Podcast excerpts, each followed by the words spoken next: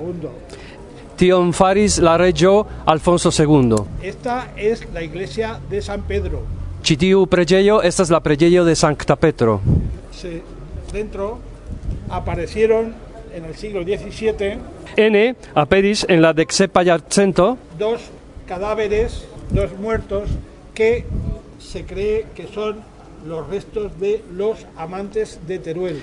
en tie oni trovis eh, sia tempe la cadavroin de du homoi qui shine la la popolo apartenas alla geamanto de Teruelo. Los amantes de Teruel es una leyenda. La geamanto de Teruelo fakte estas legendo que se desarrolla hacia 1217. Kiu pli mal pli komencas havi korpon en la jaro 1217. Ahora merece la pena visitar esta iglesia gótica.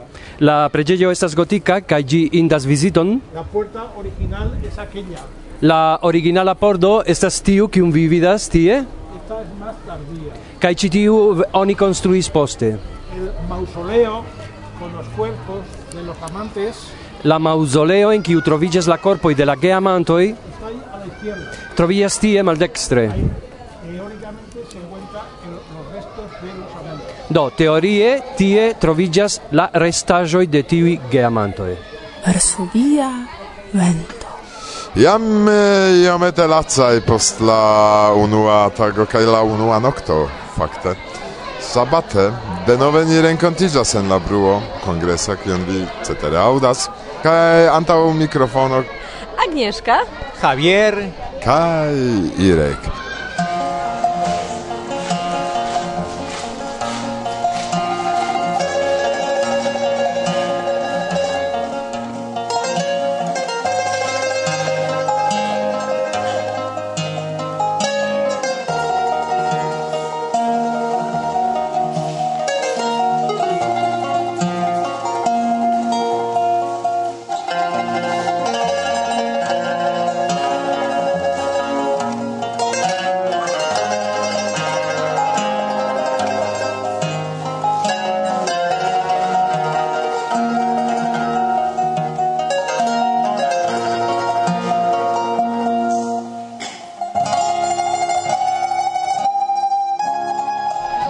mateno komencigis por kelkaj el kongresanoj iom streĉe, ĉar estis ker ekzamenoj. kai samtempe okazis la generala kunveno de HEF, kiu bedaŭrinde mi ne povis ĉeesti.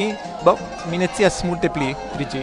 Ankaŭ mi ne scias, ĉar mi ne estas membro de Hispana Esperanto Federacio, do eble Tonio del Barrio rakontos al vi, kio okazis dum tiu ĉi konveno kaj Estis prezentado de agadoj de la jaro Zamenhof kaj estis kunligita tiu programero kun prezentado de la libro La Kaje Zamenhof kun ĉeesto de la aŭtoro Roman Dobrzyński.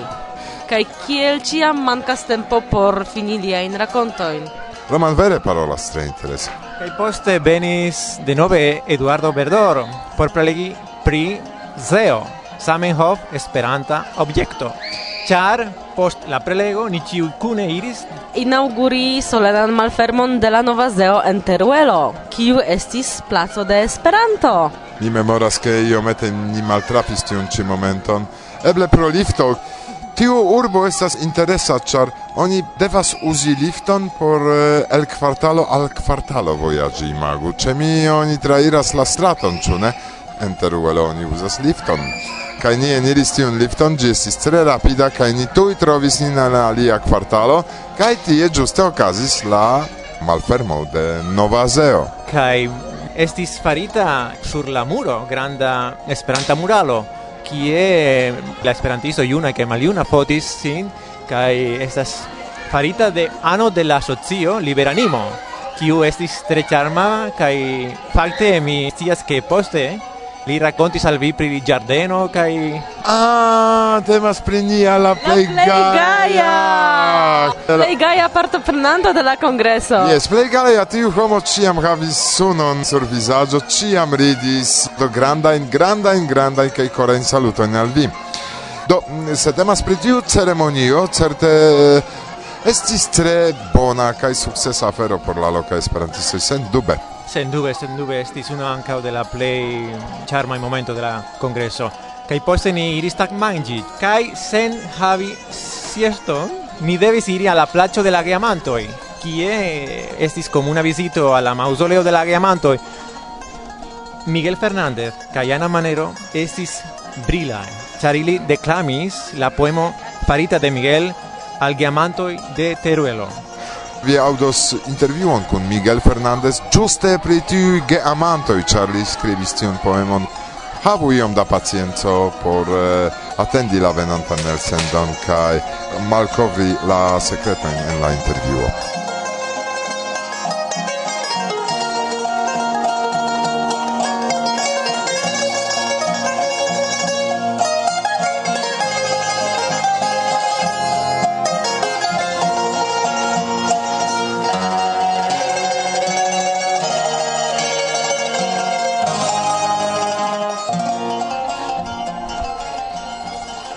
Jes, kiel vi vidis o kiam ni vizitis la mausoleon, pone estas du kuŝaj statuoj de la geamantoj, ili estas apudaj kompreneble, kaj la mano de unu kaj la mano de la alia estas etenditaj, ĉu ne, sed tiuj manoj ne tuŝas unu la alian.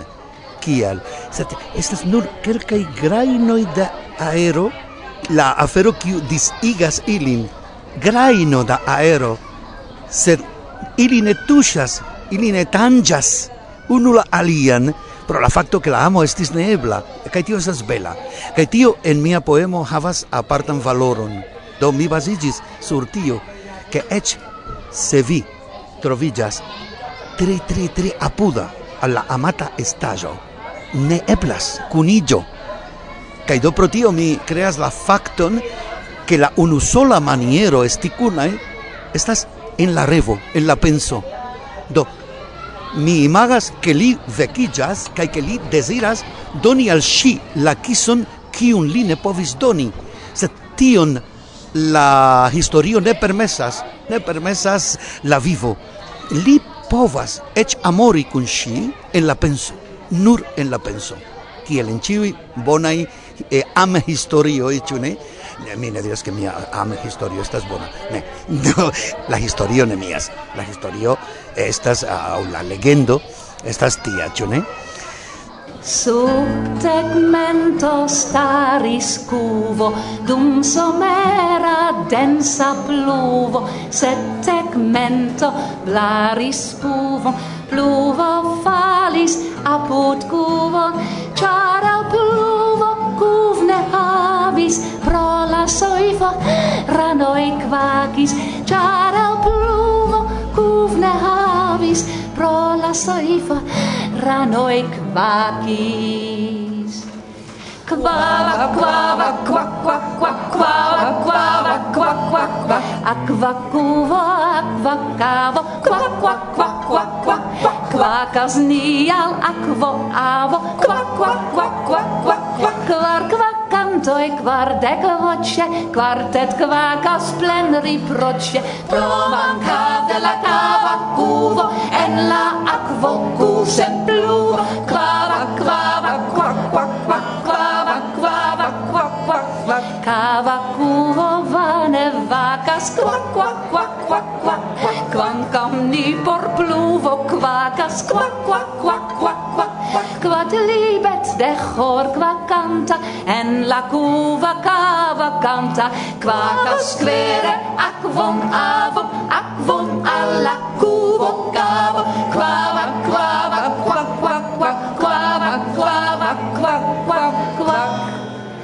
Tio pruvas se dum pluvo staras sub tegment la cuvo. Rano Ivane kvaki povas se je salto si ne movas. To ne kvaku kiel ranoj karaj ge sami de anoj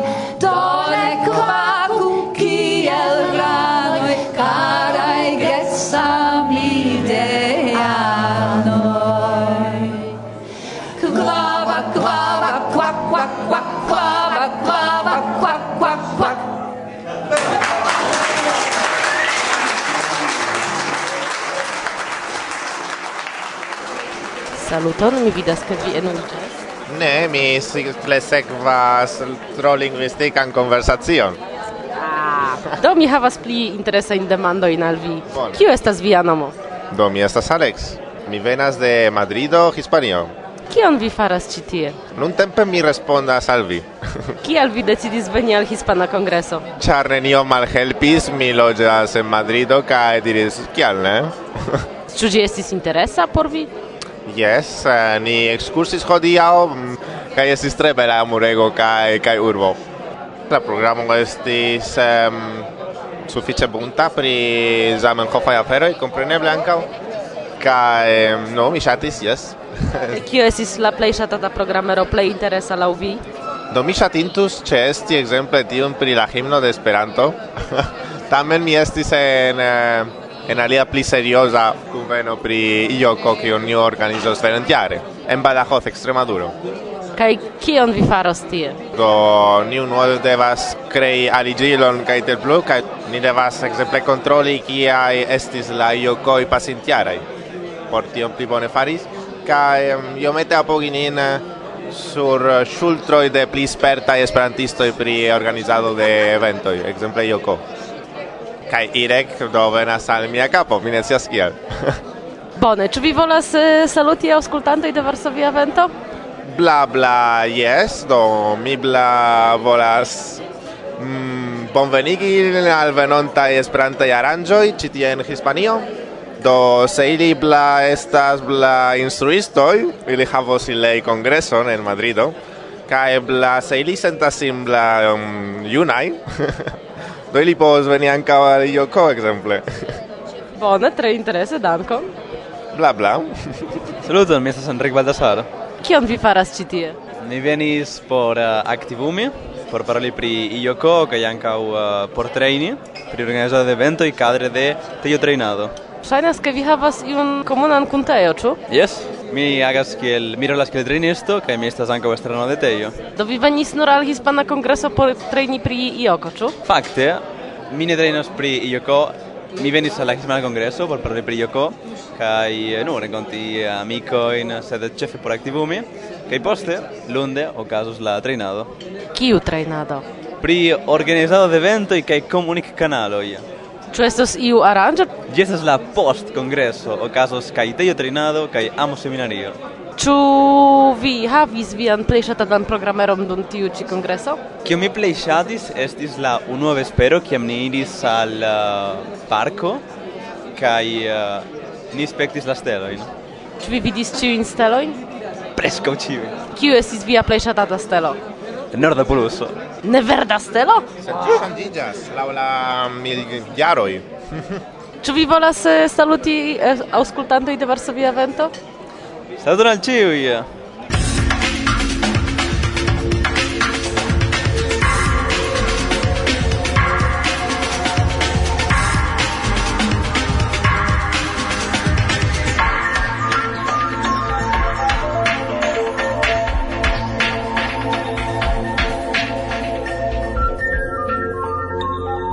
Miguel Fernandez ne havis tempon por ripozi, ĉar ĵus kiam ni finis tion ĉi parton, li prezentis sian eh, libron Tagoj kaj ruinoj.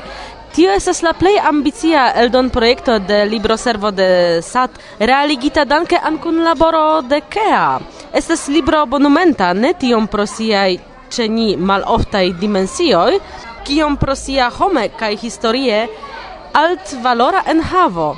Temas pri Esperantigo far Miguel Fernandez de taglibro verkita de la eminenta everkisto Grau Casas. Compilinto kaj ĉefa tradukinto de kataluna antologio.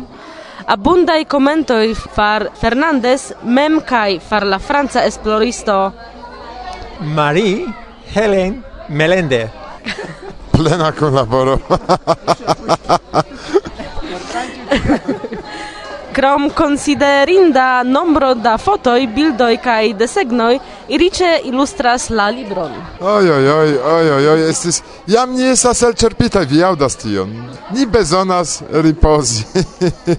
Sed tamen ni raportos ĝis fino ankoraŭ restis nemulte da programeroj, estis nur tri kai granda concerto kiu post momento okazos. yes anta la concerto ancora du programero La unua Chema Rodríguez kaj Serafín Aldecoa ili omaĝas al Francisco Azorín, kiu estis arkitekto kaj politikisto de la socialista partio dum la dua respubliko en Hispanio. Do mm, interesa omaĝo al Francisco Azorín fare de Chema kaj Serafín.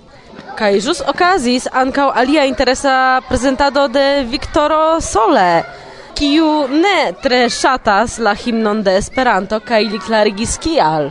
Do bone, eble ni jam eh, finu nian raportadon de la tago, ĉar eh, la koncertoj baldaŭ komenciĝos.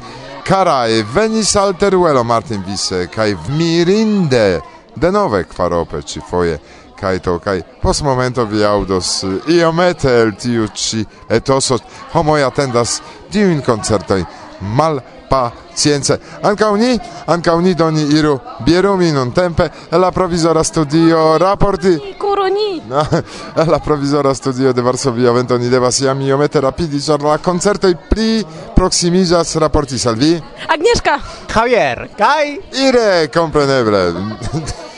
Gis morgau! Gis! Gis! Curoni, curoni, curoni! Martin!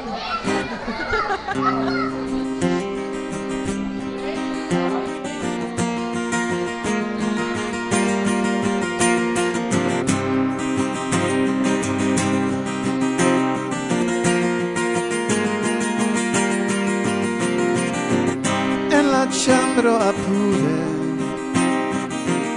kie dormas vino vi ridetis konklude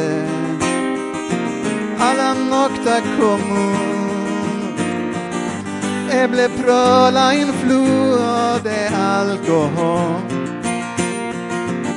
mi subite cerbumas pri mia ro serĉis la veron Ĉu mi estas menso? Ĉu vi trovis kimeron Kies tu apon? Kaj mi timas kelkfoje ke en mi vin trompis en tion rimarki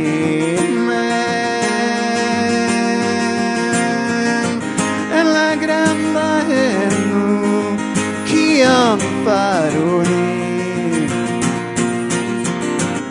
Mi desiras vin plu Ciam pli cae pli.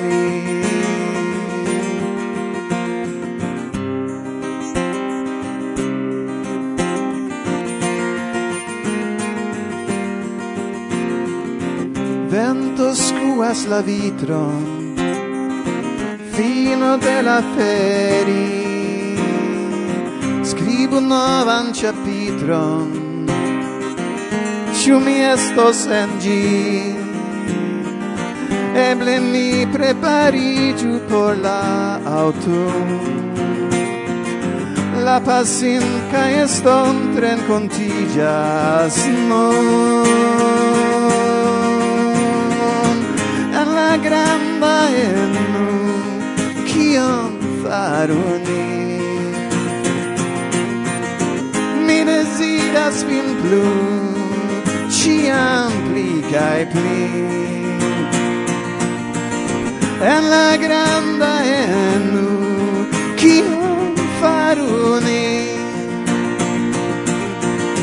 Ni desiras vin plu Ciam pli cae pli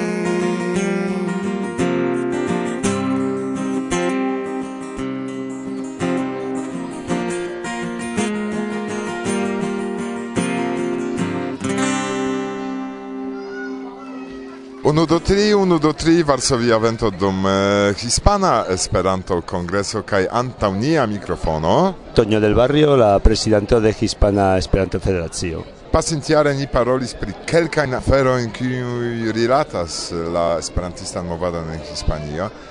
Kio intertempe ŝanĝiĝis? Eh, ne multe, fakte eh, en la lasta congreso oh, quasi iom da ŝanĝo en la estraro, sed tio ne multe modifis la mm, agadon de la socio. La chefa modifo este seble la festado de la Jaro Samenhof. Ni jam estas en 2017, kai do ni havis proyecton por festi adequate. Anca ni finis la lien proyecton de la Jaro 2016, inter kiui probable la play interesa estas la publicigo de Don Quijote, kiu ni presentis unua foie en Herrera, se vi memoras, kai ni presentis al general publico poste en do ni labori super eh, tiu ci afero pri la jaro Zamenhof kaj tiel plu kaj ni ankaŭ pretigis kompreneble tiun ci kongreson, kiun estas speciala laboro de la federacio, sed de la grupo Liberanimo.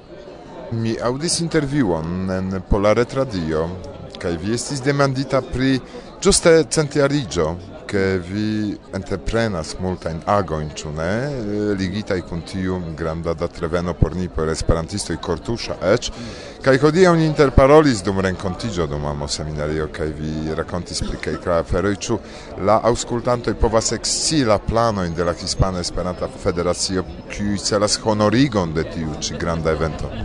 Do yes, ni pensis che indas profiti la jaron Samehov ne nur por extera informado, sed por la interna agado en la senso ke Samenhof o havas multajn ideojn interesajn por la nuna movado kai estas bone que la novaj esperantistoj, eĉ tiuj kiuj alvenas, novuloj, junuloj, iom scio pri Zamenhof. Sed ĉefe ni uzis ĝin por ekstera informado. Do ni entreprenis kelkajn agadojn rilatajn ekzemple ekspozicioj, interalie ekzemple kun la kunlaboro de la Pola Instituto pri Kulturo, kio povas esti interese juste pri la rilato kun Varsovia vento. Ĉefe por la polaj y en Hispanio ni prezentis la Samenhof jaron, ni prezentis ankaŭ en juda institucioj kai unu el aliai y estis la presentada la traducado al la hispana lingvo de la estrato Samenhof de via samlandano Roman Dobrinski. Ankaŭ pri tio kunlaboris la Pola Instituto pri Kulturo kai eh, ni havis la honoron ke Roman mem povis presenti la libron en Madrido, en Saragozo kaj nun en la kongreso en Teruel. Kaj bone ankoraŭ restas monatoj, ni esperas ke plu informi pri Zamenhof, konigi lian verkon, lian lingvon kaj ni intensas plu labori kaj plu labori, kompreneble.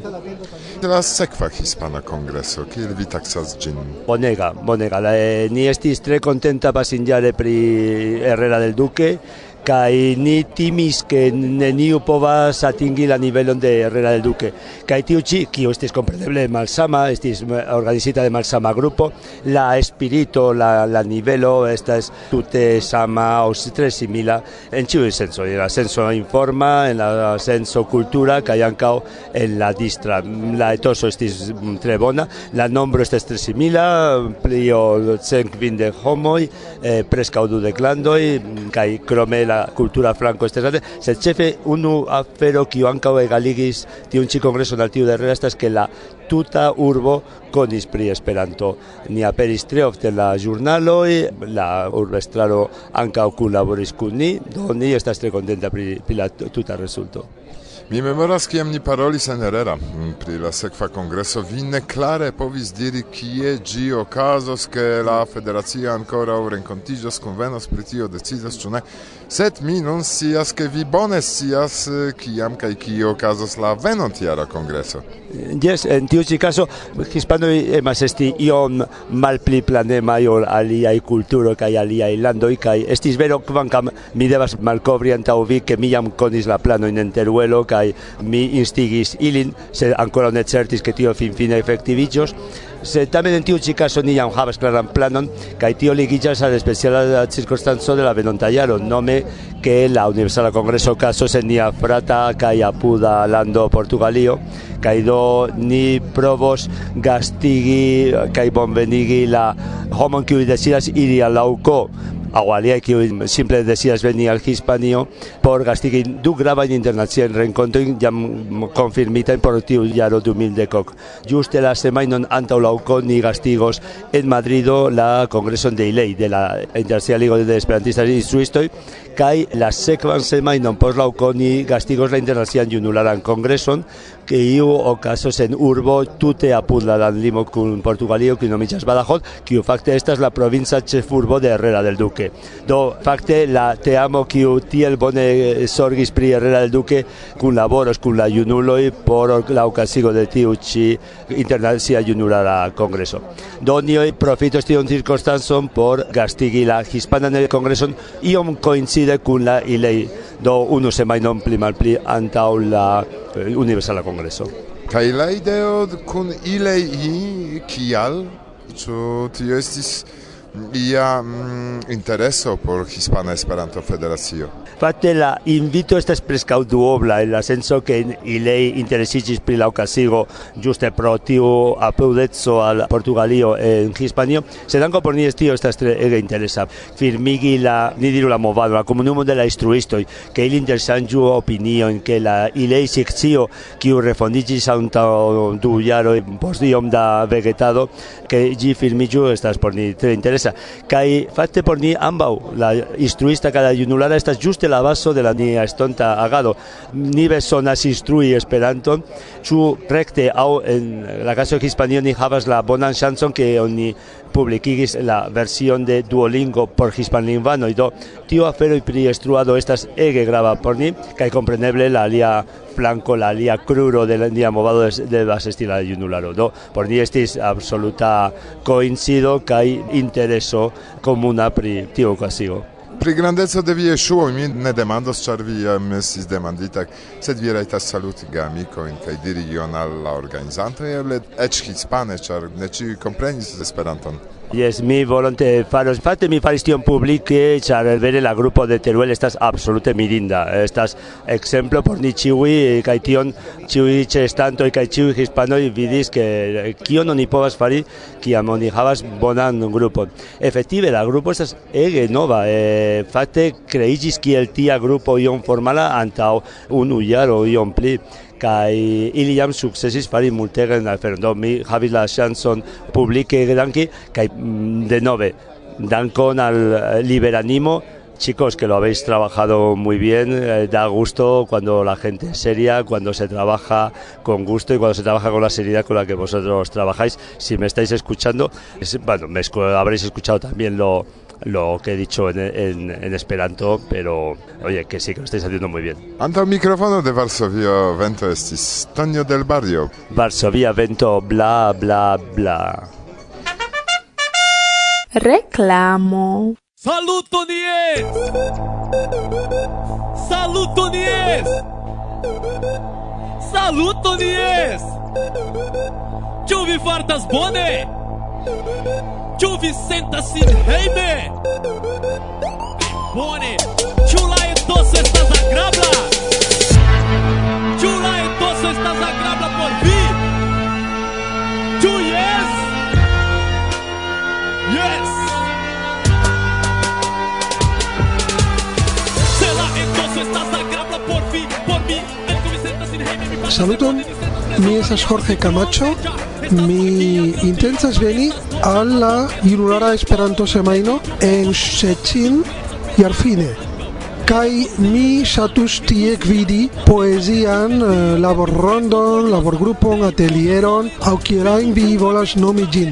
Do tio ne estos prelegos, sed simple ni sidos kune, babilos pri poezio, ciu kiu havas intereson pri poezio, ĉu kiel verkanto, kiel leganto, kiel tradukanto, povas kontribui siajn ideojn, povas prezenti siajn provojn, siajn eh, projektojn, kaj ni kune, neformale, kun discutos dum pluraj tagoj kaj eble venos al konkludoj kaj certe havos mojosan etoson pri poezio. Bonvenon! ne estas manko de ces Estas abundo de ĝojo Venu festi vendo de um e fervore cara. Vendo nun. Ne estas baro por feliĉo por desiro Vendo kun Etoso estas favora. Ne estas manko Estas abundo de joyo Diru varso Varsovia vento bla bla bla. Mia, que e tosso. Ah.